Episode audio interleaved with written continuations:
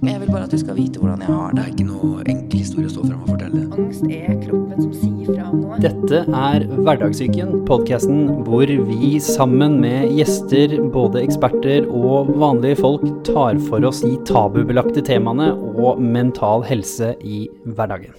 Velkommen. Velkommen tilbake til alle dere som hører på. Det kan jeg jo si til deg òg, du er jo her titt ofte. Det er jeg. Fint å være tilbake. Sjølveste Med i farspaff. Og i dag skal vi gjøre noe så spennende som å svare på, i hvert fall etter beste evne, svare på spørsmål som har kommet fra folk og fe der ute. Og drodle litt rundt de, sånn eh, holdt på å si lett og løst, men eh, også forhåpentligvis noe fornuftig. Var i hvert fall tanken. Det håper jeg er veldig spent på hva folk har spurt. Om jeg kan si noe fornuftig i det hele tatt. Eller vi kan si noe fornuftig i det hele tatt. La oss satse på det. Vi prøver jo.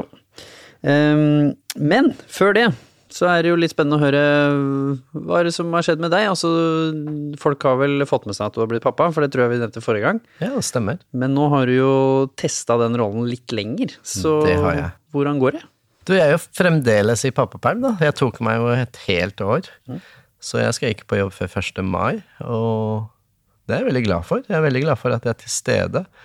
Det er mye arbeid. Det er kontinuerlig arbeid. Og vi har vært veldig heldige og fått en liten jente som faktisk er veldig lett å ha med å gjøre, men Bank i likevel, og alt det der. Likevel så er det veldig mye arbeid. Det, man er jo forberedt på det mentalt at det er mye arbeid, men eh, du verden.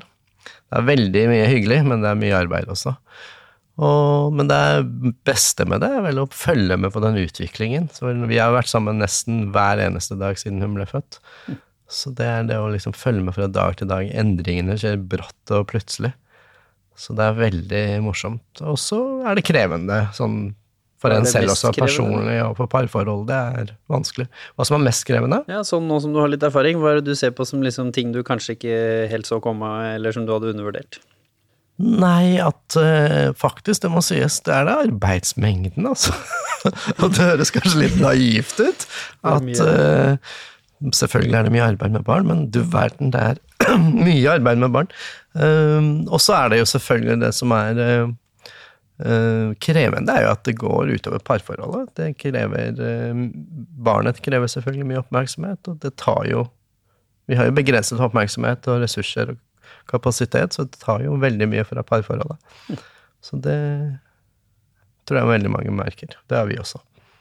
Og så er vi noen nå så heldige at du er psykolog også, og det med å si at du ønsker å være sammen med barnet mye, for vi har jo hatt noen episoder også om utvikling, barneutvikling. Hva er det du tenker kan være fordelen? Ikke at alle nødvendigvis skal ha muligheten til å ta en, altså et full perm, men det å bruke den tiden du har til å være med barnet, spesielt kanskje første året, andre året, altså i startfasen der. Hvorfor tenker du at det er ekstra viktig, kanskje? På en måte så sier det kanskje seg selv at altså, når vi er født, så er vi jo ganske Menneskebarna er jo ganske lite kapasitet både det ene og det andre. Det er, vi er ikke helt ferdigutvikla. Vi klarer oss ikke selv. Og det å ha en grunnleggende trygghet ser ut til å bygge seg på at man har sine foreldre, nærmeste, tilstrekkelig grad til stede. Og så vet vi at vi er veldig, som menneske, så er vi jo veldig fleksible. Vi tåler ganske mye. Eh, mye kan være vondt, men veldig sjelden er skadelig. Det skal mye til for at oppveksten blir skadelig, men det vet vi, det skjer jo også, at fordi foreldre ikke er i tilstrekkelig grad til stede og tilgjengelig og har rom for sitt barn. Så jeg tenker, eh, for meg var det Jeg er jo såpass heldig at jeg har mulighet til å være hjemme ett år, da. Det er jo selvfølgelig ikke alle som har det. Eh, Men for meg var det veldig viktig når jeg kunne å være hjemme. Og redusere fokuset på helt andre ting, og bare være sammen med barnet mitt. Det er mange som snakker om at eh, vi ønsker denne pausen til å reflektere litt, sånn, og, og, at vi tror at det kanskje skal komme helt andre tanker da, at vi kanskje skal evaluere litt sånn livet, litt kanskje hva man vil, men også sånn hverdagslige ting, at man liksom skal få muligheten til å kanskje tenke litt lenger over en nyhetssak man leste da, eller fordi det er så høyt tempo i dagens verden. Du og jeg har jo snakka litt om dette her før òg. Hva, hva tenker du nå, da, når du på en måte har hatt muligheten til kanskje det å tenke litt lenger over en nyhetssak hvis du ville, eller kanskje drodle litt over hva vil jeg videre og sånn? Eh, Det jeg har blitt veldig oppmerksom på, rent som personlig, blitt oppmerksom på når jeg har hatt dette, nå har jeg jo vært eh, i permisjon i snart seks måneder. Det er jo faktisk hvor mye den travelheten, både arbeid og andre ting ved siden av, hvor mye det holder unna av eh, både bra ting, men også kanskje vonde ting. Så jeg, for min del, så har det vært sånn at det har åpna opp eh, en del ting som kanskje har blitt begravd eh, i hverdagens travelhet. Man blir Man møter seg selv en helt annen måte når man faktisk ikke jobber. Nå er det som sagt veldig mye arbeid med et lite barn, men det er, det er helt annen type arbeid. Det kan ikke sammenlignes i det hele tatt. Så for meg så har det vært en eh, Nå er jeg jo 41 år, og jeg har jo frem til nå ikke trodd på noe sånn 40-årskrise, at det er, noe, det er noe man bare finner på. Men du verden, den tror jeg på nå, altså. Nå har jeg nå vet jeg ikke om det er helt tilfeldig eller om det er en sammenheng, men både bli pappa, komme i 40-årene og være hjemme, og da på den måten være litt sånn arbeidsmessig uvirksom, det åpnet opp for veldig mange Mye selvtvil, veldig mye Uh, Hva skal jeg si Mange prosesser er satt i gang, for å si det veldig overfladisk og enkelt. Uh, men også veldig mye bra, for det handler også om hva du ser er viktig for deg. Ja, det er vel det kanskje det som jeg trakk mest ut av den gangen jeg var skada òg, uten sammenligning for øvrig. Jeg hadde verken et barn eller sånn sett uh, muligheten til det. Men jeg var jo da satt litt til side for, for jobb, eh, spesielt da i noen mm. måneder der, før jeg på en måte kom i gang igjen. Og det var nok Det er jo mitt største øyeblikk i form av selvutvikling, vil jeg jo påstå. Og mm. mye av det har jo jeg kreditert det samme som du sier nå, bare, altså bare muligheten til å ha tid til å tenke. Altså mm. tid til å ta opp gammel moro, tid til å jobbe med seg selv, tid mm. til å tenke hva er viktig for meg, sånn som du sier, mm. kanskje gjøre noen eh, prioriteringsendringer. Og også bare det å ha tid til å gjøre ting som du kanskje ikke skaper rom for i hverdagen, da. Og bruke to timer ekstra på en ting du hadde fordi du ikke har en avtale rett etterpå, på en måte, som er jo det vi gjerne gjør, da, i den tiden som er her nå. Så det er ganske spennende hva man kan få ut av absolutt, sånn tid. Absolutt. Og så merker jeg jo selvfølgelig noe som en frykt som kan oppstå i en sånn tid, er jo hva går man glipp av? Blir man på en måte mindre viktig, mm. mindre relevant, mindre aktuell, osv.? Og, og det blir man. Og det det på en måte, noe av det er jo å akseptere det, da. Og bare på en måte se at det er andre frukter å plukke enn de du vanligvis er ute etter. Og det har vært fint og at det kan endre seg igjen. For man ja. er jo så redd for den fear of missing out, som at du på en måte aldri kan på en måte bli ja. litt viktig på jobben igjen, kanskje ja. være litt oftere med venner når barnet har roet seg og du har mer tid, for nå sier du nei hver gang. Altså, Sånne småting at man ikke er redd for at det er permanent. Mm, bare riktig. fordi det er litt til nå, da. Og det er veldig enkelt å tenke i menneskesinnet at ting er bare Sånn blir det alltid. Mm. Veldig lett. Mm. Spennende. Men vi skulle jo først og fremst høre hva flokken hadde å si. Så skal vi se hvor mange jeg klarer å huske on top of my head, og så skal vi bruke litt hjelpemidler som har gått tilbake på telefonen, og se hva dere har spurt om. Men noe av det første som folk spør om, det er litt sånn typisk Jeg vet at noen rundt meg har det vanskelig. Mm. De har vist i mine øyne noen tegn, og jeg har kanskje en magefølelse på det, og det er folk jeg kjenner relativt godt. Men hvordan vet man om noen sliter, før man liksom tar den samtalen? For det er mange som er bekymra for å liksom begynne en samtale med noen, mm. Mm. og kanskje enten ta feil, altså det er litt flaut, eller den andre at de kanskje sliter så mye at man er redd for å høre sannheten. Men er det noen sånne små verktøy som man kan bruke i en sånn analyse av en situasjon? Hva er det som er et tydelig tegn på at noe kanskje er off, da? Altså, det tydeligste tegnet for at man skal gjøre noe med den bekymringen, at eh, det er noe som er off, som du sier, er jo at folk endrer seg veldig fra den de pleier å være. Eh, og jo fortere den endringen skjer, jo mer dramatisk kan det være. Så hvis en du kjenner, en du er glad i, en i familie eller venner, bekjente, på en måte endrer personlighet veldig, du kjenner dem nesten ikke igjen. Endrer vaner veldig til den mer negative, da. Ikke at de begynner å trene, men at kanskje de sover dårligere, sover mer, spiser mer, spiser mye mindre.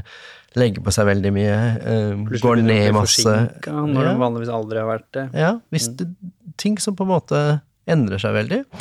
Og så er det mer sånn noe jeg tenker er viktig, hvis folk begynner å sove dårlig. Ikke sant? Ofte hvis du får tak i det at ja, nå har de ikke sovet på noen dager. Det er ofte tegn på at noe ikke er bra. Og så er det den bekymringen som er veldig allmenn. Altså, hva hvis jeg driter meg ut ved jeg spør? Hva hvis jeg gjør det verre hvis jeg spør? Tar initiativ til en samtale? Hva hvis jeg overdriver? Alt det der, ikke sant? Man kan sitte med det. Men jeg tenker, er du bekymra for en i flokken din, så er det mye større kostnad ved å la være å si noe, gjøre noe, enn å gjøre noe, og så har du tatt feil. Og folk som har vært i ulike kriser, vært nær suicidale eller forsøkt å ta livet sitt, det er veldig sjeldent man hører historier på at ja, det som på en måte gjorde det verre, var at noen brydde seg eller tok et initiativ. Veldig ofte så er det jo eh, motsatte som er tilfellet, og også når eksempel mer naturlige ting, da, at noen mister noen i, i sin familie nærmeste eh, krets, og så dør noen, og så er vi så veldig bekymra for å ta det opp med vedkommende, eller vise at vi har fått det med oss. Jeg husker veldig godt eh, moren til en jeg kjente. Eh, fikk brystkreft, og også hadde mistet eh, broren sin ca. samtidig. Og noe av det hun sa mange år etterpå, var jo at folk var jo så redde for å for å være til bry, på en måte invadere osv. Så, videre. så hun ble jo helt overlatt til seg selv, omgitt av folk som brydde seg. Og det er jo en kjempetragedie. At du har masse folk som bryr seg, men ingen tar kontakt. Mm. Så jeg tenker det er bedre, større kostnader ved å ikke ta det initiativet. Og så er det jo selvfølgelig et spørsmål litt som mot også, da. Man må jo kaste seg noen ganger ut i ting. Hvis alt skal være lett å oppskrift på, så er det kanskje ikke så viktig. Jeg kunne ikke vært mer enig. Jeg kan jo tenke på å spe på litt med historie òg. Jeg husker jo når, når jeg kom i skaden, så var det jo på en måte egentlig ingen som visste om at det var så vanskelig. For jeg fortalte jo litt sånn som typisk man gjør. Man forteller liksom hva som har skjedd. Jeg forklarer ok, ulykken sånn, operasjonen sånn gi liksom litt sånn detaljer, kanskje litt sånn stereotyp, ekstra kanskje for menn også, men generelt for mange som ønsker å ikke være til bry, og som kanskje er vant til å ta vare på seg selv. da. Og I tillegg så var jo jeg langt unna, så det var kanskje lettere å skjule det også, for det var ingen som bare kunne ta en liksom, pop-in-visit når jeg var i Singapore og de fleste var i, i Norge. Og det som du var inne på med det med personlighetsendring, det er jo noen ting jeg snakker mest om når jeg holder foredrag og snakker på skoler og sånn at det er liksom steg én, for det, det vil vi alle vite. Vi kjenner folk som er nær oss, og hvis de plutselig endrer personlighet, eller endrer, som du sier, vaner, og ganske da sånn tydelig, og kanskje til det man karakteriserer som, som det verre, så er jo det veldig sånne klare tegn. Og det samme skjedde jo med meg. Nummer én, jeg var mye mer tilbakeholden med å ta kontakt og snakke med folk. Og jeg var jo helt motsatt. Vanligvis jeg var jo han som tok kontakt, spesielt når jeg flytta til Singapore. Var sånn ekstra opptatt av å på en måte spørre hvordan det gikk med folk hjemme og sånn. Både fordi jeg var litt ensom selv, men også fordi eh, jeg ønsket å opprettholde kontakt. Det minska ganske fort. Og ganske dramatisk, vil jeg påstå. Det er nok noe jeg tipper at mange av de merka, og de jeg har snakket med om det, husker det, at de merka det, på en måte. Men igjen, som vi snakket om i starten av episoden, så var jo livet så busy mm. for dem. Og de hadde jo snakket med meg, så de tenkte ja, ja. Det er jo litt tøft for han nå, så det, det kommer seg, på en måte. Og så forsvinner det litt i periferien. Og så sant ikke da er de nærmeste venn, eller på en måte moren din eller faren din, eller liksom noen som står der liksom ekstremt tett, så er jo det kanskje ikke naturlig heller å gå rundt og huske på det i dagevis at å shit, nå er det en uke siden Jimmy tok kontakt. Mm. Det forstår jo jeg jo. Mm. Så det er jo der hvor den magefølelsen som det spørsmålet her, da, eller vi har fått flere spørsmål på en måte, som jeg pakka nå inn igjen, fordi de, det er mange som roter i det samme, ligger at har du den magefølelsen, så er det jo utrolig viktig å handle på den. fordi da er det en grunn til at du har den. Og det er nok ikke en liten ting, og det er nok ikke noe du har overdrevet. Det er da antagelig litt sånn akkumulert over tid, hvor du Absolutt. bare sånn Oi, hm, nå har jeg ikke hørt noe fra Jimmy på en stund. Ja, og i vår kultur så er det jo veldig viktig med å gi folk rom, og ikke invadere. Så du kan tenke deg den øyeblikket magefølelsen de kommer, så har det egentlig vært veldig mye prosesser som har trykket den ned. Så du er nok veldig forbi terskelen der du trenger å si noe. Og så ikke minst de som var i Singapore, da, som kanskje kunne se litt vaner og sånn, plutselig begynte jeg jo å sove veldig dårlig, som du sa. og plutselig begynte å bli forsinka. Har jo nesten aldri vært forsinka i mitt liv. Altså, jeg var jo kjent for å være han som var litt sånn irriterende on time. Altså sånn nesten på sekundet on time. Jeg har en sånn snodig evne til å liksom time ting.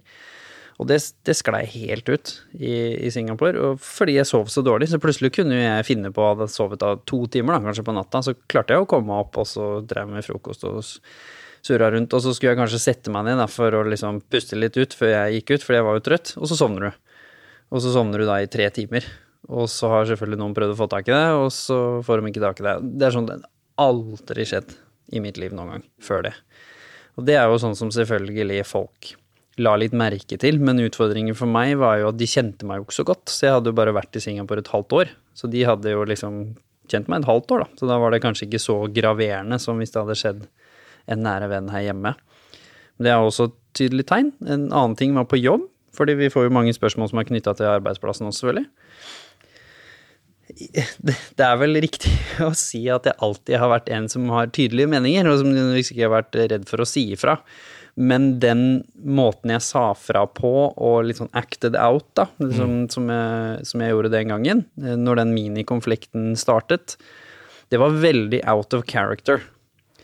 Så det burde nok ha blitt fanget opp når jeg ser det i etterkant. Først og fremst burde jeg tatt ansvar for det selv, men sånn hvis man skal analysere fra deres ståsted, så burde det vært sett på som Vent litt, det var en veldig snodig oppførsel av han.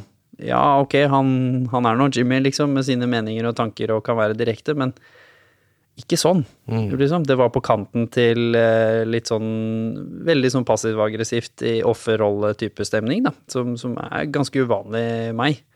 I hvert fall eh, var, sånn sett. Og, og, da tenker jeg at det er et sånt tegn man burde ta på jobben som kollega, kanskje. Og spesielt kanskje som leder, hvis en av dine mm. ansatte eller medarbeidere da plutselig kanskje spesielt faller litt i sånn passiv-aggressiv, eh, kort lunte-type stemning, mm, og det mm. ikke er vanlig, det må jo være et tydelig tegn på Det er et signal om at noe er ikke som det skal være. Mm. mm. Og da kommer det spennende spørsmålet, da. Det er jo lett å ta den samtalen hvis man er en venn, hvis man er en familie, men hva hvis man da er en kollega, lærer, trener, altså hvor det er en form for nære relasjon, men den er profesjonell også. Mm. Hvordan, hvordan håndterer man situasjonen da? Jeg tenker faktisk litt forskjellig på akkurat det der. For jeg tenker kanskje noen ganger er det vanskeligste å gjøre det med de som er aller nærmest. Venner og, og familie. For da er det også en, kan for noen være en personlig kostnad å gå inn. Eh, når det er mer det kollegiale, selvfølgelig man vil jo ha en leder som bryr seg. Samtidig så gir rollen noen former som gjør det litt enklere å faktisk ta opp ting. Eh, jeg er ikke noe ekspert på arbeidspsykologi eller noe i den retningen. Jeg er jo selv leder. Eh, nå har jeg ikke vært det veldig lenge, men jeg tenker Folk flest, de fleste av oss, på lang sikt, eh, syns det er veldig fint at noen bryr seg. At noen tar den samtalen. Og hvis den, den samtalen første gangen er tatt i med gode intensjoner. Man bryr seg om en kollega, og man bryr seg faktisk også Jeg tenker ikke det er noe galt å signaliserer også det handler om at arbeidsplassen, arbeidsmiljø og arbeidsinnsats Det er ingenting i veien, det er ikke noe selvmotsigelse mellom at man bryr seg om en kollega eller ansatt, og at det handler også om at arbeidsplassen skal fungere, og at man skal gjøre et arbeid her. Det tvert imot. Man blir jo ofte mer motivert, mer lojal til bedriften, og gjerne kanskje gjør en hakket bedre innsats for et menneske man føler bryr seg, da. Mm. Altså Hvis jeg skulle hatt noe råd rundt dette med når man tar opp med ansatte eller kolleger, så tenker jeg at kanskje første samtalen ikke Første initiativet til samtale ikke skal handle om arbeidsinnsatsen, hvis du forstår, men mer jeg har merket, sett at uh, tegn på at kanskje du ikke har det så bra da, som du pleier å ha det. Jeg sett en endring i deg. Jeg lurer på hvordan du har det. Uh, jeg bryr meg om deg som kollega, som ansatt. Eh, for det kan være ganske vondt hvis man strever. At det første som åpner seg, er at du har i det siste gjort en dårlig, dårligere jobb enn vanligvis. Det lukker dører.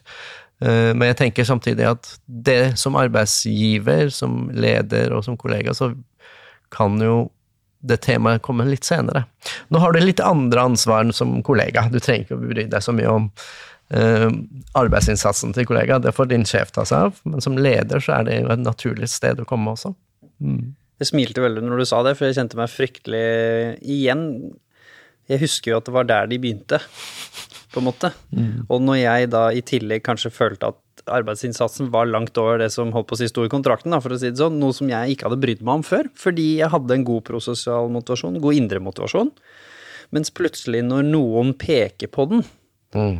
Og du føler at ja, men vent litt, nå har jeg jobba over kanskje forventning i, i fem år, og så skal dere begynne å pirke den ene gangen, spesielt min personlighet i tillegg, som kanskje hadde at prestasjoner var veldig tett rota til mitt selvverd, og, og jeg følte at det er ikke mine prestasjoner som blir angrepet nå, nå er det jo mitt selvverd, sant? Og det er mange som føler det sånn. Perfeksjonisme, altså det er mange ord her som, som kan smelle der, så jeg ble så i forsvar. Altså, jeg var jo forferdelig lite løsningsorientert. Det var det verste de kunne gjort med min personlighet. At de går inn på dem, for da plutselig begynner jeg å bry meg om kontrakten. Hva som egentlig skulle vært forventet av meg. Da må jeg føle at jeg må si ja, men du, hei. Folkens, jeg har jobba over evne i fem år, skal ikke jeg få lov å på en måte jobbe som dere andre? Da blir man veldig sånn sammenlignende også, så veldig sånn ufin også. Jeg husker liksom at jeg tenkte ja, men kollegaen min, jeg har jo gjort mer enn de nå i årevis, og så kjefter ikke Jeg har ikke sett deg kjefte på dem, ikke sant. Da blir man veldig sånn i forsvarsrolle, og, og også litt sånn halvveis tvunget til å bli en fryktelig dårlig versjon av seg selv, og det er veldig ubehagelig. Og som du sier, når jeg egentlig streva med noe mye dypere, så lette jo jeg etter alle gratismuligheter til å la dette handle om noe annet, og få ut mye frustrasjon på et annet felt. Og så skjønte jeg jo ikke det selv. Nå høres det ut som jeg er veldig reflektert, men det forsto jeg jo ikke nå før årevis etterpå, at det var det jeg holdt på med. Ikke sant? Hoppa opp i den gryta med begge beina. Ja, nå skal jeg til kamp mot liksom den store bedriften som plutselig nå skal forskjellsbehandle meg, da. Så det kan veldig fort eskalere hvis noen strever og i tillegg, som du sier, kanskje eh, at man føler at man blir hakket på uten å bli sett. For det er jo det det er. Hvis man sier prestasjonen dårlig og ikke Ja, men det er jo ikke vanlig for deg, Mekti. Hvorfor? Mm. Når det spørsmålet uteblir, mm. blir veldig fort urettferdig. Absolutt. Og du treffer deg et sted du ikke vil treffes, fordi det er allerede sårt og vondt. Eh, og folk som strever, uh, uansett hva årsaken til hva de strever, har jo som regel dårlig selvbilde. Uh, og da blir truffet på prestasjon først og fremst, er ikke der det bør som leder eller kollega gå. Nei. Så det var et ganske godt, konkret råd, føler jeg, som eh, folk der ute kan eh, teste litt og i hvert fall reflektere litt rundt. Eh, du var innom det suicidale her i stad, i form av eh, hvordan man kanskje skal reach out hvis man føler at det er på, på den alvorlighetsgraden. Da. Og jeg har jo delt både dette med 13 når jeg var 13, men også når jeg var 27, i den skaden, så sklei det jo helt ut dit. Og det er veldig fint at du sier det med at det er ikke i utgangspunktet noe galt du kan gjøre så lenge du ønsker å bry deg. Fordi vi er så fryktelig opptatt av, og jeg tror vi snakker kanskje litt for mye om òg, uten å si den andre biten. Ja, selvsagt kunne det vært veldig nyttig hvis alle på videregående fikk et kurs i hvordan ha den samtalen på lik linje med førstehjelp eh, ved livredning. Men nå har vi nok hatt den. Så nå må vi jo begynne med det utgangspunktet vi er. Og da er det ikke så fryktelig viktig å drive og oversnakke om de riktige tingene å si, eller at det må gjøres sånn eller sånn, for da skaper man også en, en tanke om at dette er så vanskelig. Fordi først og fremst, sånn som jeg ser det, så kan du kommentere fra siden av derfor, så fint å ha deg her, så kan jeg bare si hva jeg vil, og så kan du rette på meg så handler det jo om at det eneste gale du virkelig kan gjøre, er ingenting, på en måte. Fordi det jeg satt med av en verdensvirkelighet den gangen, det var at ingen bryr seg, ingen ser meg, og ingen kan forstå, selv om de så meg eller brydde seg. Og jeg er helt alene i dette. Så alt du kan gjøre som forsterker disse sannhetene, er jo ingenting.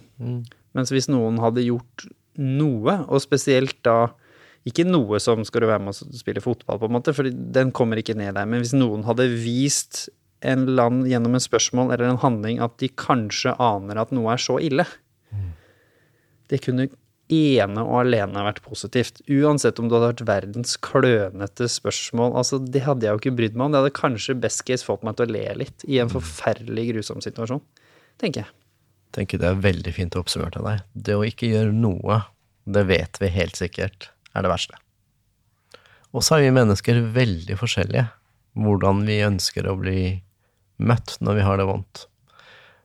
Det som aldri er feil, som du sier, er at noen forsøker å nå inn til deg. Fordi hvis du har kommet så langt i hvor vanskelig du har det, at uh, du vurderer, kanskje tenker mye på det, og kanskje til og med planlegger å ta livet ditt uh, Det at noen tar kontakt og prøver å nå inn til den ensomheten du er i For du er forlatt, veldig forlatthet. Når du har kommet så langt, så er det en stor belastning i form av at mye psykisk smerte, samtidig med at du er forlatt. Du føler deg Det trenger ikke være reelt, men du er forlatt inni deg.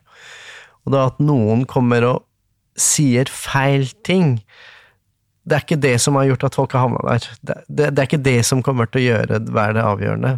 Det som, som du sier helt korrekt, er at ingen gjør noe med det. De ser deg. Og, og vi er jo som regel aldri så usynlige som vi tror.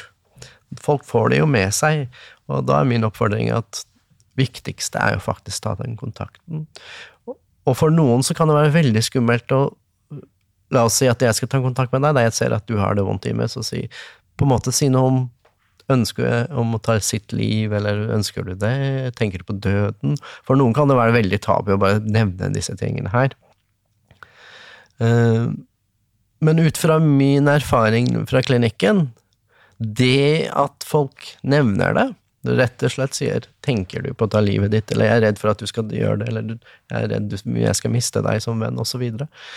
Det for veldig mange Plutselig gjør det det virkelig hvor vondt de har det. Og for veldig mange så har det vært sånn at det fikk meg til å våkne litt opp, at noen sa det. Jeg har aldri hørt, så det betyr ikke det er hele sannheten, i hvert fall uh, av alle suicidale pasienter jeg har gjort med, har jeg aldri hørt at noen har sagt 'det var feil'. det har jeg aldri hørt. Og veldig mye forskning på det viser jo også at det, det du sa helt i begynnelsen, at ingen gjør noe, det er det som er problemet. Og det, dette krever også et mot, selvfølgelig, fra den andre, at du tør å gå inn dit.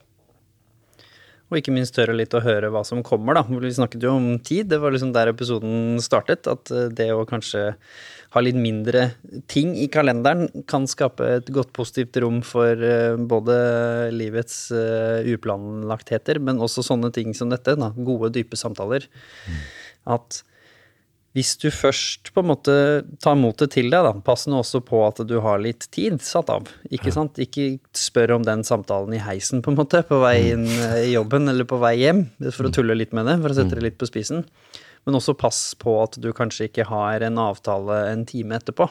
For det er sjelden de samtalene der varer eh, bare Absolutt. i en time. Det kan selvfølgelig skje, Absolutt. men bare for å liksom sette litt perspektiv på det, den tiden er viktig. Absolutt. Det tror jeg du har rett i, og et veldig konkret tips der for sånne vanskelige samtaler. Kanskje det er enda øh, Kanskje tipset er mer retta mot menn enn kvinner. På gruppenivå så er jo kvinner noe flinkere enn oss. Så er det gåturer i skogen, mm. bilturer.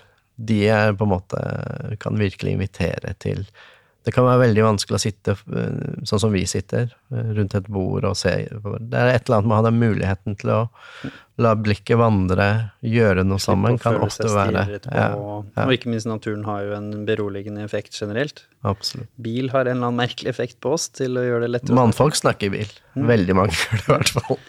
Så det er ganske Og det er jo litt sånn lavterskelting som jeg ikke nødvendigvis sier nei til òg. For det er mm. klart, hvis noen hadde sagt til meg skal vi gå og snakke sammen om at du er suicidal, så kan det hende at jeg hadde vært litt tilbakeholden der og da. Blitt litt skremt av det, fordi da hadde jeg følt meg veldig sånn outa. Men hvis noen sa skal vi ta en kjøretur? Eller vil du være med på en gåtur, mm. så er jeg ganske sikker på at jeg hadde sagt ja. Eh, og det var noen som spurte om jeg skulle være med på gåtur, og jeg sa jo ja. Og mm. hvor vi hadde da gode samtaler som var veldig nyttig for meg i Singapore til å hjelpe mm. meg ut av det, mm. var de der forsøkene på å, å, være der for meg, som var mer sånn skal vi gå en tur, skal vi ta en samtale på telefon. Mm. Og de hadde litt tid til meg. Det var ikke mm. noe sånn at de sa skal vi ta en halvtimes gåtur. Ja. Det var en åpen invitasjon. Det er et viktig signal, fordi det kan i verste fall lukke mer. ikke sant? Det at du under samtalen for eksempel, forteller jeg skal jo rekke det etterpå og sånn, det inviterer ikke til Så sett av god tid, absolutt. Det er et veldig viktig tips. Mm. Og så er det jo selvfølgelig de som står i dette selv, da. Det er mange der ute. Vi har fått forskjellige typer spørsmål som, som havner litt i samme kategori, som handler om at jeg vet selv at jeg sliter. Jeg syns det er veldig vanskelig å snakke om det. Hva gjør jeg? Jeg har prøvd, sier de, i sine forskjellige typer forsøk. De har kanskje ymtet litt frempå, hintet litt til det, kanskje overdrevet litt noen av de negative tegnene sine for å bli sett og hørt. Og de har til og med prøvd å hatt noen samtaler med noen, men ikke i dybden, sier de fleste. Men de føler selv at det, det burde ha vært fanget opp, og så klarer de bare ikke å, å ta på en måte full åpenhet, da. Hva, hva, for det første, hvorfor er det sånn? Det kan vi tenke litt sånn hvor, hvor vanlig, for det er jo mange av disse som sier disse tingene til oss som føler at de er alene, og at dette er sånn igjen bygger på toppen av at de føler seg litt ubrukelige. At de klarer jo ikke engang å fortelle hvordan de har det. Ikke engang får jeg til å fortelle at de har det helt jævlig. Mm. Hvorfor er det sånn? Jeg tror eh, det er mange grunner til det, men kanskje først og fremst Vi har jo snakket om det i- før i andre episoder. Det handler veldig mye om kultur. Hva slags redskaper er tilgjengelig for oss for å fortelle om hvordan vi har det? ene er at vi ikke har ofte språket til det. Vi har ikke treninga i det. Vi kan snakke veldig lenge om siste iPhone som har kommet ut, og hva som er flott med den, men vi har veldig lite språklig tilgang til hvordan vi har det. Det har jo jeg sagt også, fra mine erfaringer. Hadde du satt meg foran deg, da, eksempel, når jeg var 27, og du hadde spurt meg spørsmål om min emosjonelle tilstand, så kunne ikke jeg forklart deg hvordan jeg hadde det. Kunne fortalt det eksterne, men jeg hadde nok antagelig vært svært ordfattig på den emosjonelle reisen, så det kan jeg absolutt bekrefte fra min egen reise, og mange av de vi har intervjuet òg. De 650, det er jo noe av det de trekker frem som oftest problemet den gangen. De visste ikke hva du skulle si. Nettopp. Så det er ene. Det andre er jo at eh, jeg er veldig, som psykolog veldig opptatt av kultur.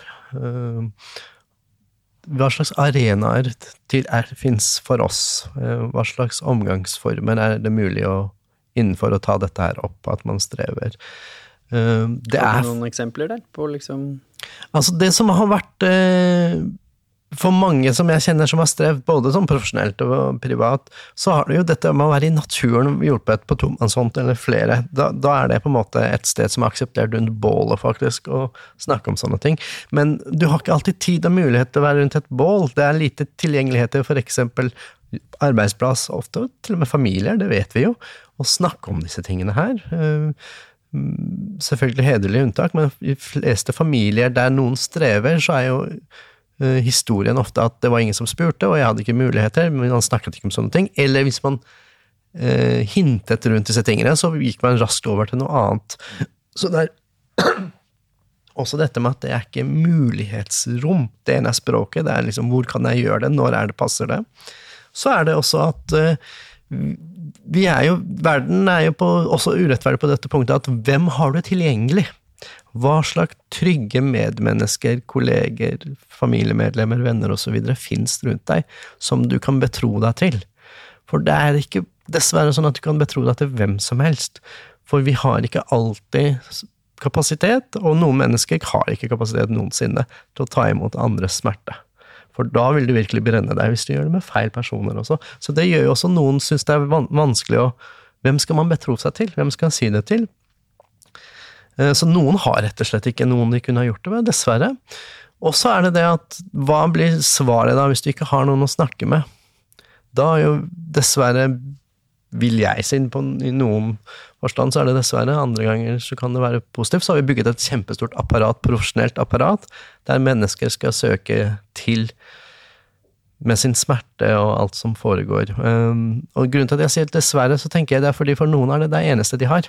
Og det er ikke nok. Fordi det levde liv skal ikke skje i terapirommet eller med en psykolog eller psykiater. Det skal skje der ute i samspill med andre, i relasjoner som er gode, som er, gir deg noe. Så jeg tenker for noen som ikke har det tilgjengelig, verken mennesker eller språk eller foraene, så er det der med at du faktisk må bryte ut. Og det er kjempeoppgave når du allerede har det vondt. Søke ut til andre mennesker. Og for disse blir det jo For du som ikke har disse ting, tre tingene tilgjengelig, du har ikke språket, du har ikke et sted eller noen mennesker å ty til, så er det jo, vil jeg råde deg til å snakke med fastlege, og, for det har vi alle, og bli henvist til det profesjonelle. Men dette er jo unntaket. De fleste av oss har noen. De fleste av oss kan snakke med noen. Hva gjør du da? Hva er lurt å gjøre?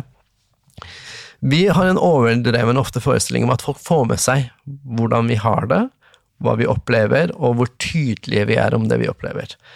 Eh, og det er vi ikke. Det gang på gang viser seg at folk fatt, oppfatter ikke det vi prøvde å si. Så du må være ganske direkte, tenker jeg. Og det kan være vanskelig, det er en øvingssak, men du må være veldig direkte om hvordan du har det, og hva du tenker, og hva du føler. Og så er det jo det vi snakket om i stad, med tidsperspektiv også, at uh, kanskje du var direkte. Men når man da kanskje ikke fulgte opp, eller det var ikke tid til å ta dybdesamtalen der og da, så er det også å forvente at den personen, så sant ikke det er en som står der liksom virkelig den nærmeste, men selv det kan skje der, har så mye i sitt eget liv som skjer, at det kan forsvinne tilbake i på en måte tanke, tankestedet. Så det er ikke sånn at det ligger fremst i, i panna, som folk pleier å si. Mm. Neste gang dere møtes, så kan det hende at det er litt glemt, og da føler man seg så fryktelig lite sett. For jeg ja. sa det jo forrige gang. Mm.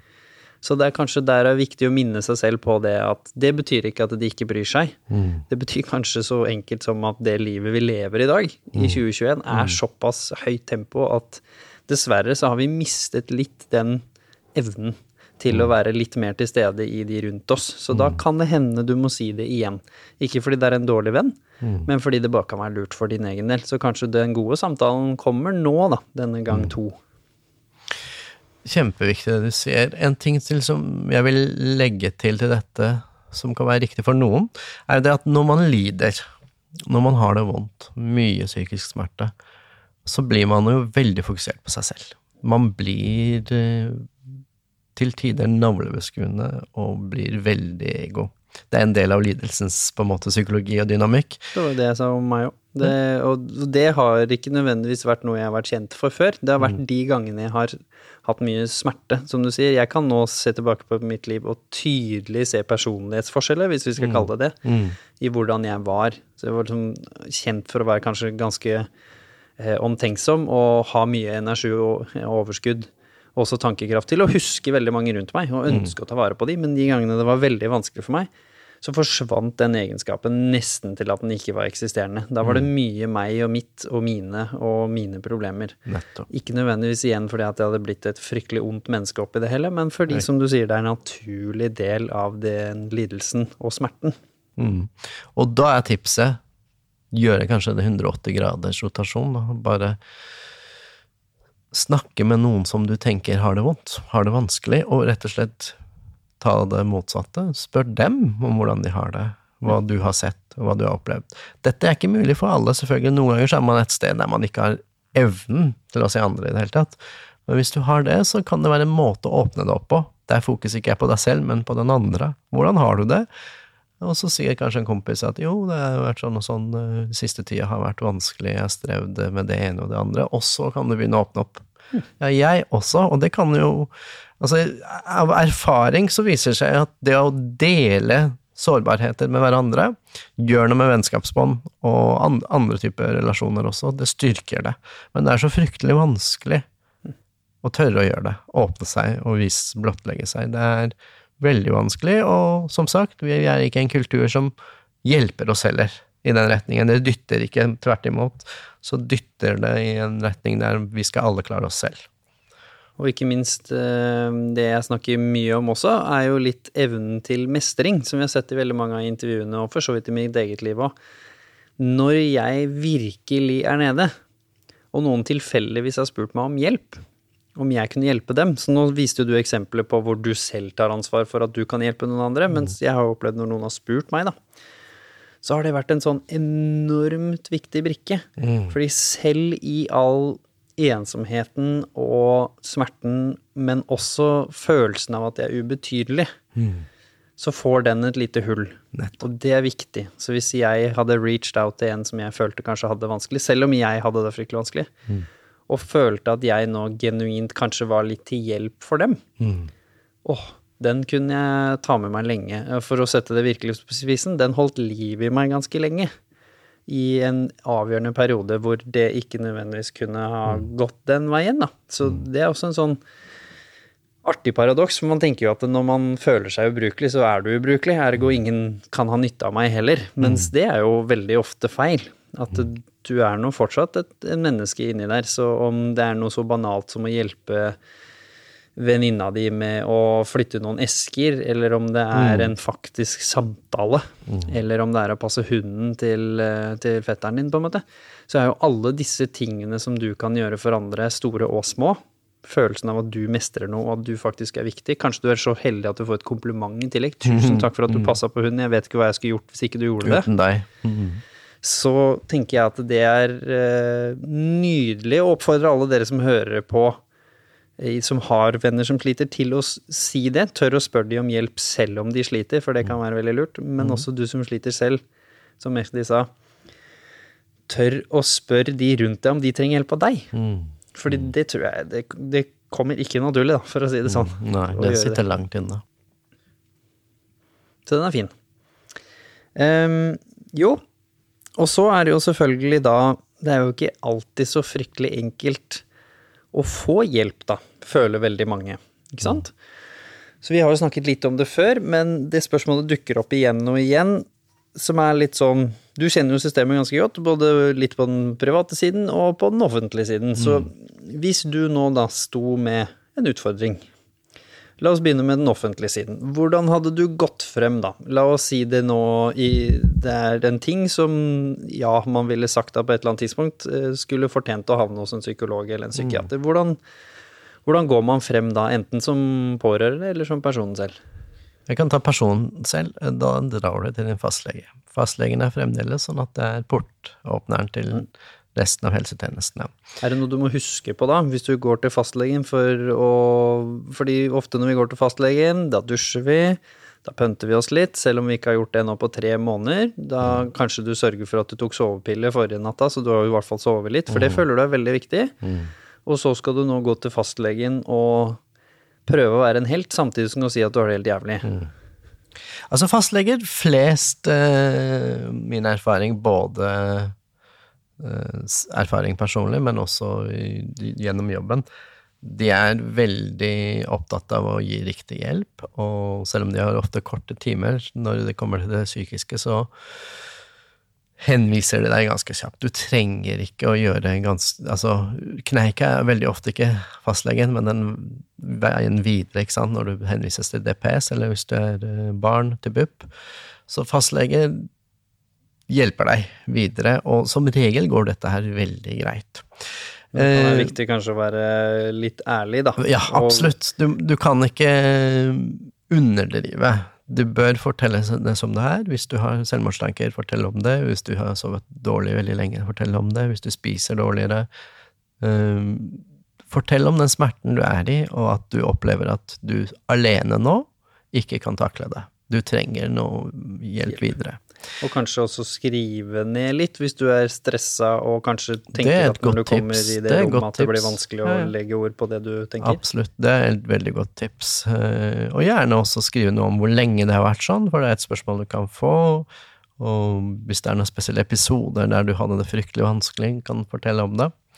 Og etter det så blir du henvist til DPS. Og nå er det sånn at uh, du får jo en eh, diagnose hos fastlegen i henvisningen, og så kommer du søknaden, henvisningen til DPS eller BUP.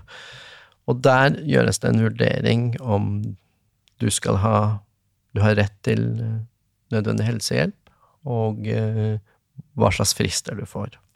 Nå har jo de fleste fått med seg kanskje at det er kommet eh, noe som heter pakkeforløp i det offentlige, psykisk helsevern og rusbehandling.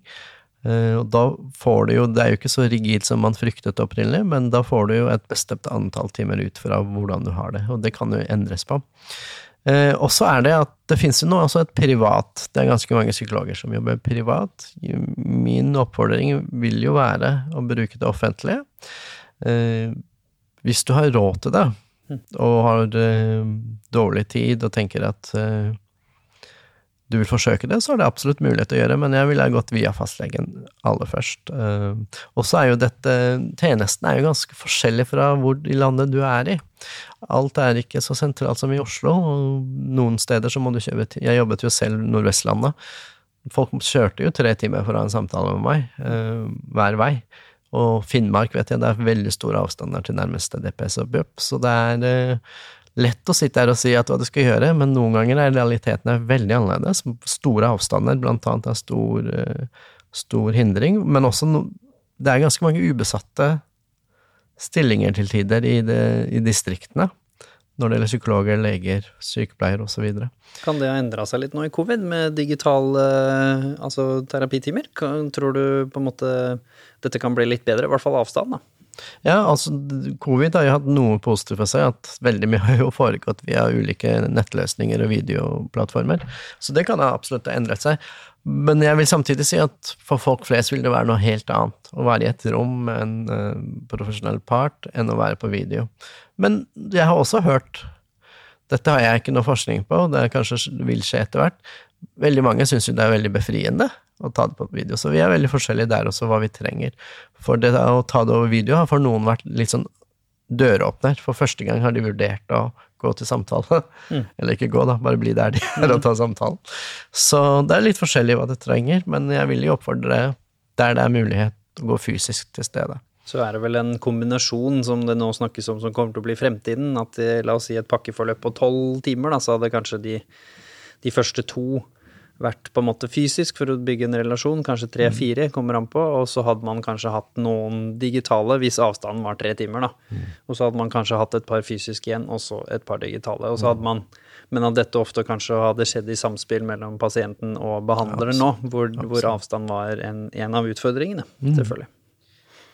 Og så er det, det en, en tilleggsmoment her, jo at i det private får du mye lengre behandlingsforløp. Ikke at det alltid er svaret, men veldig ofte det er det sammenheng mellom antall timer du får, og, hvordan det går, resultatet. Um, dermed ikke sagt at lange behandlinger er alltid mer effektive enn korte. Det er bare at noen ganger så trenger du flere timer enn det du får satt til deg i det offentlige.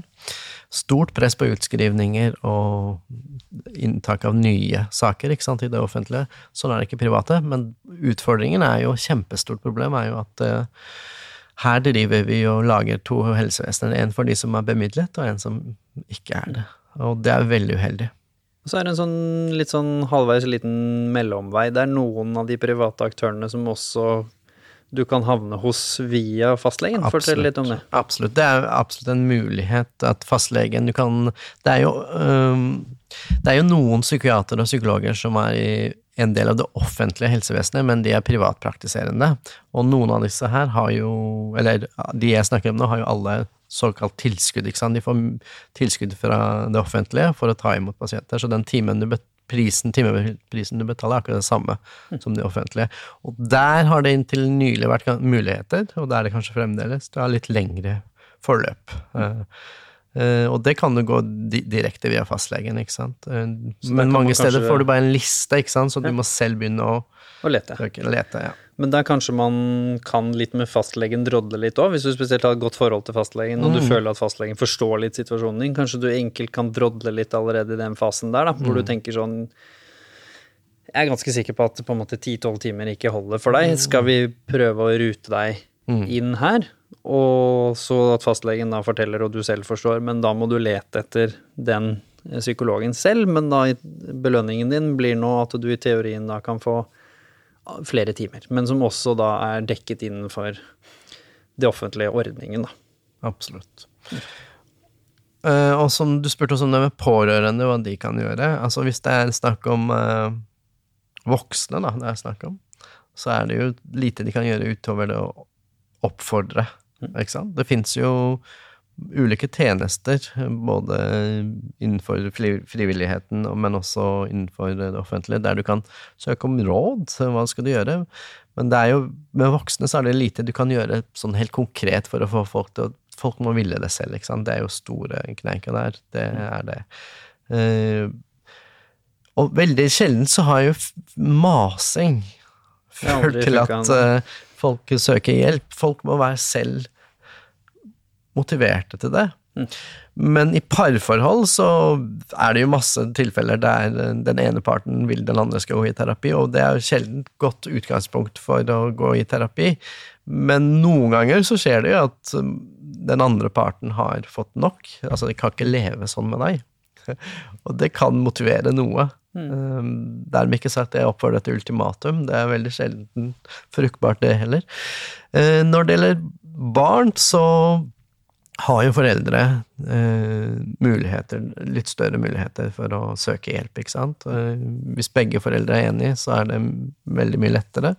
Det er en liten utfordring når um, det er snakk om skilsmisse, for eksempel. Uh, men der også er det jo ens egen fastlege er jo veien å gå. Ja. Uh, og fastleger har jo veldig ofte mye erfaring med hva som er lurt å gjøre. Så jeg hadde tatt den veien også i det. Mm. Og så kan det jo være litt det der med å være litt støttende. For jeg, jeg, vet at det er veldig mange som sitter der ute, vi var litt innom det i stad, hvor det å søke den hjelpen kanskje er såpass vanskelig nå, det er så strevsomt når du kanskje får den lista, da. Hvis du liksom begynner med det som en av utfordringene, men også bare det å gå til fastlegen kan føles som så strevsomt at, eh, at det er nyttig. Så som, som pårørende kan det være kan det da være en idé å spørre om du skal være med? Eh, I hvert fall kjøre de dit. Sitte på venterommet. Kanskje til og med bli med inn. Kommer jo an på hva slags relasjon man har. Og når den lista kommer Her vet jeg at det er mange som, som sitter fast. Ja. Og virkelig da som venn eller pårørende si, vet du hva, den jobben kan jeg gjøre. Hvis du vil, da, selvfølgelig, at jeg skal gjøre den. Eller den jobben kan vi gjøre sammen. Jeg kan ringe. Du kan prøve å ordlegge deg med hva slags type kriterier du har, og så tar jeg den jobben. Fordi jeg tror det er fryktelig mange som stopper her. Absolutt. Sitter ikke på noen statistikk, men jeg vet at eh, veldig mange av de jeg snakker med, de stoppa her, og til slutt ga opp. Best case fant eh, en eller annen som var den nærmeste, hadde to timer, connection var ikke der, og så var vi ferdig med å søke hjelp. Jeg kan bekrefte det du sier. Veldig mange stopper opp når de får en liste. Nå vet jeg at det finnes en telefon man kan ringe nå for å vite hvem som er ledig, så det er jo kommet litt lenger enn for noen år siden. Hvor finner man det? Det er et godt spørsmål. Eh, Google. Google det. Eh, altså, jeg tror du ringer Helfo. Jeg burde vært litt mer oppdatert på det, men jeg vet Kanskje det kan legges til, legges til episoden, vi den informasjonen. Ja. Eh, det du spør om, ja, jeg tenker for noen kan det være akkurat det som trengs for å komme seg videre. At noen tar det initiativet. Kjøringen du nevner, bli med, fortelle kanskje på vegne av, hvis de syns det er greit. Um, og så nevnte du dette med at uh, at uh, de kan være med å søke, ikke sant? kanskje gå gjennom den lista, prøve å finne ut av det. Det kan være for mange det som er forskjellen på å ikke gjøre noe og gjøre noe. Absolutt. Um, og så vet jeg jo veldig mange har nytte av og glede av å ringe forskjellige hjelpetelefoner. Det kan for noen være starten på den reisen for å få riktig behandling for sine mentale problemer. Så det er også en vei å forsøke for noen. Og så er det ganske mye nå brukerstyrte organisasjoner, erfaringsbaserte organisasjoner, og selvfølgelig diagnosebaserte organisasjoner, altså liksom ADHD Norge, Barn av rus, Pårørendeforening altså Det er jo ganske mange, bare nevnte jeg noen få. Du har jo ROS, altså spiseforstyrrelse. Det er ganske mye der ute. Eh, For ikke snakke om Selvhjelp Norge og Link Oslo og, den, og de som på en måte virkelig er på gruppefokus, da. Eh, Hva kan på en måte nytten være i det, hvis du nå enten føler at du ikke er klar for den å søke hjelpen som vi snakket om nå, eller har prøvd å kanskje enten bli avvist, eller følt at du fant ikke hjelpen der. Hvorfor kan det være spennende nå å utforske litt mer det møt andre type stemning? Eller feltet med møt andre og erfaringsbasert eh, hjelpetilbud, da. Som også veldig ofte er gratis. For veldig mange, når du strever eh, voldsomt, har det vondt, så er det noe av det letteste å tenke er jo at dette, dette gjelder bare meg. Ingen noensinne i menneskehetens historie har hatt det akkurat sånn som meg. Ja, jeg kan vite at noen har hatt det vondt, men dette er unikt meg, og ingen kan forstå det, ingen kan hjelpe med det, ingen kan eh, i det hele tatt eh, klare å nøste opp i det jeg strever med.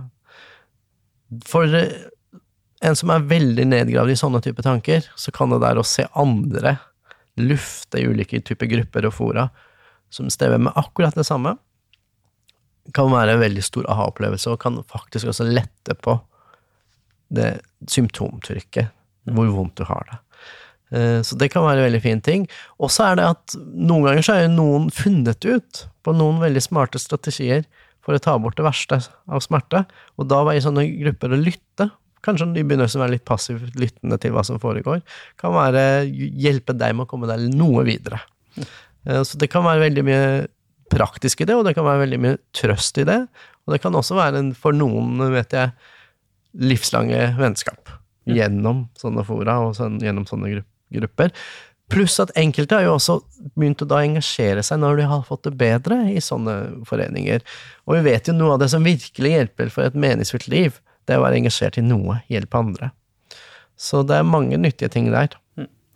Og litt som vi snakket om i stad, du var jo inne på dem nå, men du kan jo også allerede begynne å hjelpe til litt før det går bedre, fordi de gruppene er jo veldig flinke til f.eks. kan du komme en halvtime før møtet, hjelpe oss å sette Ja. opp stoler Ja. De, de er jo veldig klar over hva slags hjelp det tilbyr, men kanskje ekstra viktig som slo meg også med det du sa i stad, språket. Hvis du ikke føler du har språket eller er klar for å ta kontakt med hjelpeapparatet, det å gå i en sånn gruppe og høre andre ordlegge sin smerte, som er ganske lik din, kan jo være nøkkelen til at du nå kan snakke om det med noen andre. Absolutt. Sånn Å ja, akkurat sånn. Det er sånn det er. Eh, absolutt. Det tenker jeg kan være veldig fint.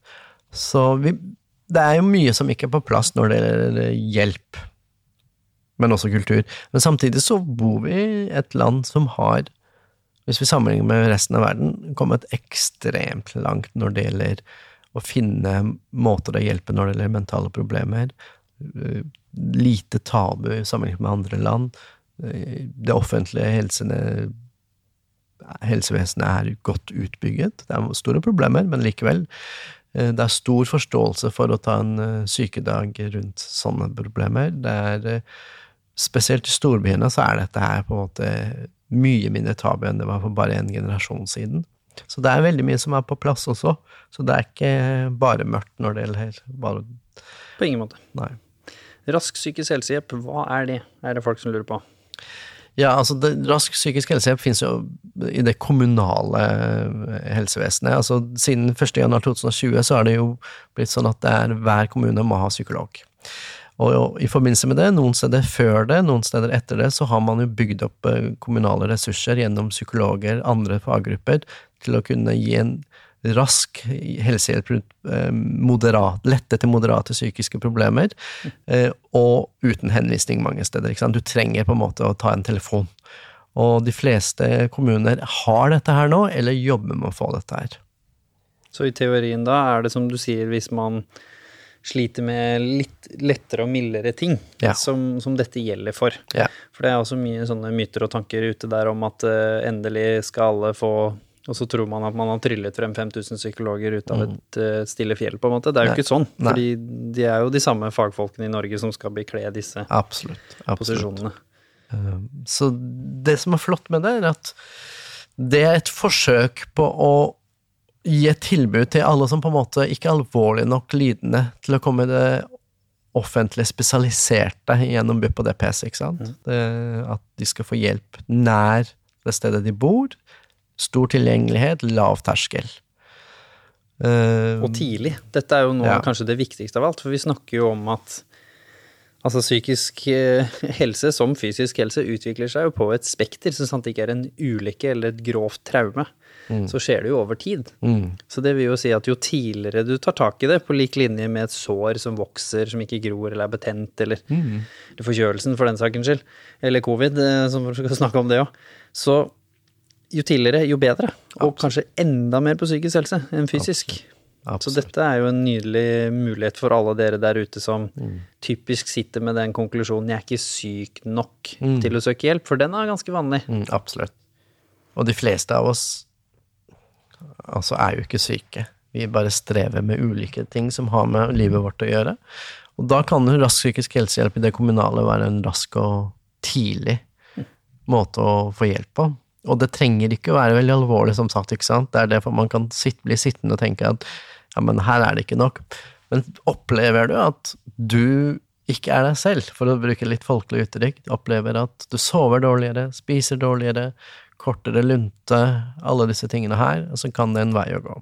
Over tid, da, selvfølgelig. Alle kan jo ha noen dager sånn, eller en uke ting er vanskelig. Men hvis dette vedvarer, så er det absolutt en vei å gå. Og se det da som smart, fordi da er du en av de som tar tak i det tidlig, som kan da være heldig å unngå at det blir mer kompleks, og etter hvert kanskje kan føre til at du blir syk og skulle fått en diagnose. Mm. Så det er jo egentlig noe av den flotteste samfunnstjenesten du kan gjøre, hvis du skal kalle det, både for familien din, deg selv og samfunnet, er at nå er denne muligheten her. Mm. Hvis den er der, og du føler det kan være nyttig, ta den. Mm.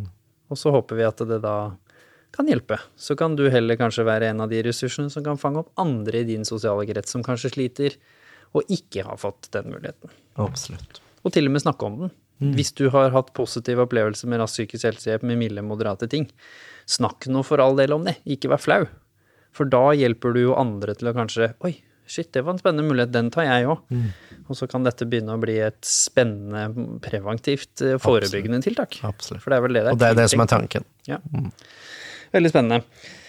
Um, en av de siste spørsmålene, det er at jeg har fått en diagnose, sier folk. Det kan veldig ofte kan være ADHD, kan være bipolar, det kan jo være noen form for personlighetsforstyrrelser eller utfordringer, men altså spekteret er jo stort i, i disse tingene. Det kan gjerne være noe du egentlig har gått og trodd hele tiden, for sånn som, sånn som med meg, så var jo mistanken der. Eller liksom Aspergers, eller altså autismespekter generelt, at man har hatt eh, tanker og meninger. Men så følger det veldig mye med denne diagnosen, diagnosen. Så følger det med en både forventninger, eh, det følger med en del fordommer, mm. og ikke minst, det følger også da med en del ting som endrer hvordan du ser på ditt liv. Kanskje drømmer og, og tanker, men også hvordan du ser litt på verden. Så hva slags hva slags refleksjoner og tanker har du rundt det? For det er ikke nødvendigvis alltid at det er så lett å gå og si til fastlegen ja, nå jeg endelig fikk jeg jo diagnosen min, eh, men nå sliter jeg kanskje mer enn før jeg fikk den.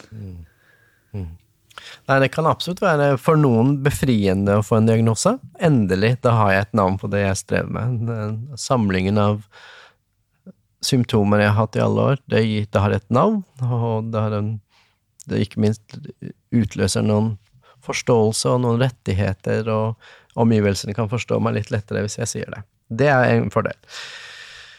Ulempen med det er at, som du sier, eh, det kan være noen fordommer. Å ja, du har den diagnosen, da er du sånn, og da er du sånn for alltid. Og den får alltid skyld, da. Hvis du oppfører deg f.eks. i mitt tilfelle, da, hvor man kanskje var litt rask impulsiv eller var litt overivrig, da er det ADHD-en.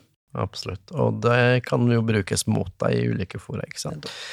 Eh, Det jeg vil først og fremst si om det, er jo at man må huske at diagnosene for det første er ikke naturgitte. Altså, et beinbrudd er et beinbrudd, du kan ikke argumentere mot det, men veldig mye av den diagnostiske som drives med, er ferskvare.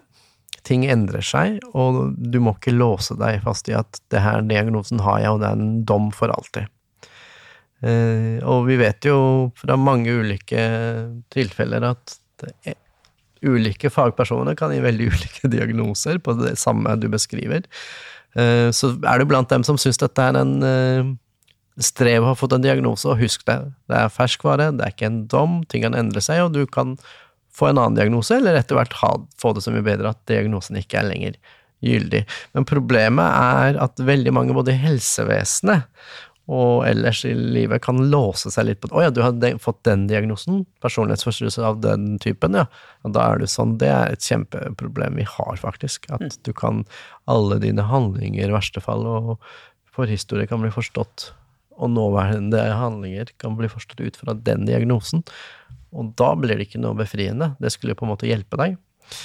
Eh, Jeg har ikke noen andre gode på en måte refleksjoner rundt det, for det er en veldig stor diskusjon. Jeg personlig, eh, som fagperson, er jo veldig skeptisk til hvordan vi bruker diagnosen. Diagnosen skulle bare foreblitt i det kliniske. Det er der det er skapt, og der det skulle det blitt. Men det har jo på en måte lekket inn i hverdagen. Og alt De fleste mennesker i dag kan jo så mange diagnoser og vet hvordan de er og sånn, og det har jo aldri vært. Fordi det gjør noe med vår forståelse av hverandre også, når diagnosen entrer hverdagslige samtaler og Det har jo blitt sånne skjellsord. Ja, altså, herregud, det var litt ADHD, eller, Mm. eller eh, det var litt depressivt, eller slutt å angste. Altså Mm. ungdomsspråket Absolutt. har jo begynt å få sånne uttrykk. Absolutt. Og sykehusets og hva skal jeg si, helsevesenets språk er ikke bare heldige havner i hverdagsspråket. Og så har jo jeg følt som, som har hatt, eh, eller har, noen eh, diagnoser, holdt jeg på å si, følt også at um, generelle befolkningens tanke om de er litt snevre, som du sier, fordi den kommer jo fra den kliniske verden, hvor f.eks. en ADHD-diagnose, eller nå som vi så flott kaller det spekteret, f.eks. på eh, i form av autistisk spekter og sånne type ting. Så det liker jeg bedre, fordi da forteller det også at det er jo ikke sånn at alle som får det stempelet her i midten. Det er noen symptomer, det er noen kriterier for å få diagnosen. Diagnosen ligger i midten, og så går man på en måte ut på andre enden. Der går man jo ut like bredt som man kom inn. Man går jo ikke ut som, liksom som i kommunismens verden og bare tusler ut på eh, rekke og rad og alle ser helt like ut. Så det er jo spesielt med ADHD som jeg kan mest om, da, for min egen del. Nummer én så har vi jo nå fått ADD, eksempel, som har ikke hyperaktive biten, men som er konsentrasjonsvanskefokuset. Eh, Det samme med spiseforstyrrelse har vi jo nå utvidet voldsomt til både overspising, hvor man kanskje alltid forbandt det med å enten kaste opp eller å spise for lite mat. Nå har man til og med fått overtrening og liksom fått et, et veldig større spekter. Og det tror jeg er litt viktig å snakke om, fordi det er veldig, jeg tror mye av fordommene knytta til diagnoser handler om en veldig smal definisjon. Snever, ja, absolutt. Absolutt. Det stemmer, det. Det stemmer, det. Også, Det ene er at du, det du sier, det er blitt flere diagnoser. Man har drevet og laget, hva skal jeg si, stadig flere beskrivelser om hvordan du kan streve. Det kan for noen være bra, men det er også en fare ved det, blant annet at uh, det meste i livet vårt blir sykeliggjort, ikke sant, uh, og det er veldig sjeldent sykt. Mye av det vi driver med, er bare helt innafor normalen. Veldig mye av det. Og så kan det være noen interesser som har behov for å sette diagnoser på alt vi driver med. Men diagnoser skal, som, for å komme tilbake til poenget ditt, skal ikke forstås i en snever forstand. De skal ikke forstås som at det er en dom, at det er evig sannhet, for det er de virkelig ikke. Um, og så er det innenfor hver eneste diagnosesekk, for å bruke det begrepet, folk er så ekstremt forskjellige. Og de kan streve så mye forskjellig også innenfor det. Så jeg ville tatt det med en klype salt. Og det kan for noen være For noen er jo også glad i diagnosene de har fått. Og for noen kan det være truende at jeg eller andre sier det, ikke sant. At ja, men det er ikke helt sånn du skal forstå diagnoser. Så kan det være med å gjøre dem urolig, ikke sant. Ja, men har jeg ikke ADHD, da? Så det er Folk forstår det veldig forskjellig. For noen er det en glede. En, en, et redskap for å Men jeg tror ofte det er en glede mest for de som kanskje har vært i kamp. Det er også en antakelse, men jeg tror liksom hovedandelen av de som jeg har intervjuet som opplever det som veldig befriende, det var folk som enten har gått veldig lenge og ikke forstått eller blitt forstått med hvor symptomtrykket og smerten kommer fra. Ja. De har Har ikke liksom på ikke det. blitt trodd. Det er litt sånn ja, men du er jo ikke syk, og så plutselig var du bipolar type 1, eller hadde en personlighetsforstyrrelse. Da blir det befriende, men jeg tror ikke liksom sånn i vår iboende menneskenatur at vi går rundt og håper på å ha en diagnose, på en måte. Mm. Det er ikke sånn jeg har Nei. opplevd det, i hvert fall. Og så tenker jeg kanskje noe av det fineste med diagnosetanken, klinisk sett, var jo at det også er jo knyttet en del forslag til hvordan man skal få enten et verdig liv, hvis det er noe som bærer med deg livet ut, og eller hvordan du skal kunne legge diagnosen bak deg med f.eks. depresjon eller angst eller ting som kan være mer forbigående. Det er jo det det egentlig skal brukes til. Sånn at fagpersonen din nå Å ja, ok, klass, nå har vi liksom lagt en liten beskrivelse på det. Det betyr at vi skal titte i denne retningen av verktøyboksene og løsningsboksene. Det er jo ikke for at du skal tusle ut av kontoret med det i panna. Nei, absolutt ikke. Eh, selv om det kan være et redskap for å forstå hva, hva som skjer med deg og hvordan du har det, så er det aldri ment å være en forklaring for du, hvem du er som menneske. Det er opprinnelig ment som en, et redskap for fagpersoner, sånn at de forstår cirka hvor i terrenget vi er, hva slags problematikk snakker vi om, og i begynnelsen var det jo langt færre diagnoser, ikke sant. Nå i det siste versjonen av DSM så er vi jo oppe i jeg tror det er oppe i 600 pluss diagnoser. Eh, Så det skjer jo noe der som jeg mener er veldig uheldig. Men poenget har vært at vi skal, fagfolk skal ha et eh, fellesspråk. Mm. Absolutt. Og sist, men ikke minst, så er jo litt sånn spørsmålet, da, som du snakket Du har snakka om det flere ganger her nå. Hvorfor Eller liksom, hvorfor er det så Eller hvordan skal vi tenke om dette med syk, ikke syk? For jeg har snakket ganske mye om det det siste og blitt mer og mer opptatt av dette spekteret. Med hvor vi sier at man er helt frisk på den ene siden, psykologisk, og på den andre siden Syk. suicidal slash veldig alvorlig syk med på en måte psykose, eller altså de mest alvorlige tingene innenfor psyk psykisk helse. De fleste av oss, 80% av befolkningen, befinner seg jo et eller annet sted i midten her til enhver tid. Opp og ned, på en måte. kanskje fra en sånn 60 %-skalaen og ned til en sånn 20. Det er jo veldig få som er på null i livet, som du sa. Og livet burde jo kanskje plasseres ganske hardt på dette spekteret et eller annet sted, med det som er å forvente som normalen. Sorg, f.eks. Miste jobben, eh, bli permittert, eh, samlivsbrudd. Overfall. Overfall, Ulykker, rasisme, ja. dessverre. Man skulle jo ønske at det ikke var inne der, men diskriminering skulle man også ønske ikke var inne der. Men mobbing skulle man for så vidt også ønske ikke var inne der. Sjokk med å få en diagnose, som vi nettopp snakket om. Men det er jo en del ting her som som er naturlig, men hvor vi også må håndtere det eh, litt som på en måte en forkjølelse eller influensa, for å kunne få litt hjelp til at det skal gå over fortere. For jeg tenker det kan være litt mer en nyttig sammenligning. Mm, Nå er det jo ikke sånn at du ikke går til legen hvis du er alvorlig influensa og du føler kanskje at det ikke går helt over av seg selv.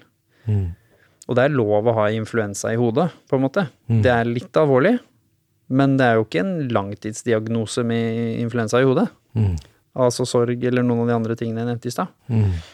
Så hva er dine refleksjoner i form av hvordan vi skal klare å ha de to tankene i huet samtidig? Snakke om at det er ikke så viktig med masse diagnoser. Vi må ikke snakke for mye om syk-frisk. Og livet er en stor del av dette. Men hvordan skal vi både klare å tenke det og samtidig føle at vi må gjøre noe, og ikke bare tenke 'dette er livet, det går over av seg selv'? Veldig godt spørsmål. Um, hvis vi tenker fra individet, da, som strever, så tenker jeg at uh, nesten aldri er sånn at det er ikke en grunn til at du strever. Det ligger noe alltid, noen årsaker. Ofte veldig komplekse, ofte veldig tidlige årsaker til det. Um, og så hender det ting i livet, ikke sant. Du mister noe, rasisme, sier du, overfall, ulykke. Før eller senere i alles liv så skjer det noe veldig dramatisk som de ikke klarer å håndtere innenfor hverdagens kapasitet. Det er en krise. Eh, Det er et traume. Det er et kjempestort brudd med det vanlige. Og reaksjonene på det tenker jeg alltid til å begynne med er normale.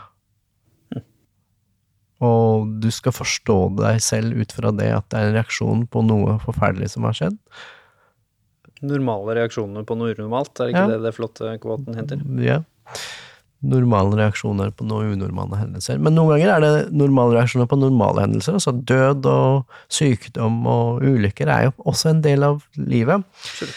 Den, det øyeblikket du skal på en måte tenke litt utover normaliteten, er når du ikke kommer deg videre.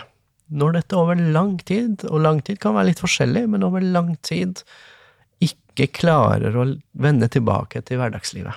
Og det går utover livskvaliteten din over tid, som du sier. Søvn forsvinner, man rekker, presterer ikke på jobb, kanskje må mister jobb, kanskje samlivsbrudd, forholdene går skeis, mindre venner. Altså når du får stor eh, på måte påvirkning på det livet som også skal vare etter du blir bedre. Absolutt. Og for noen, så, noen ganger så sitter vi fast. Og det er da omgivelsene og du selv skal tenke at her trengs det noe mer. Fordi nå har du gravd deg ned.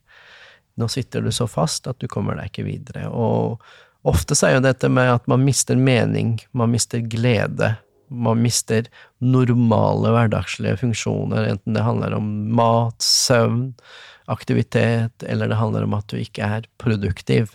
Og produktiv det betyr ikke bare på jobb, men at du på en måte ikke Mennesker er produktive. Enten kreativt produktive, eller fysisk produktive, eller tankemessig produktive. Hvis du på en måte begynner å miste stadig flere av disse tingene over tid, og det ikke endrer seg, da begynner vi å snakke om Da kan det være nyttig, både med diagnoser, men også være nyttig med tenke at ja, nå er vi over på noe som ikke er normalt lenger. Nå er det mye, mye mer retning det sykelige, ikke sant. Du kommer deg ikke videre. Og du får ikke noe premie her, for det var mye snakk om at man skal stå i det på egen hånd.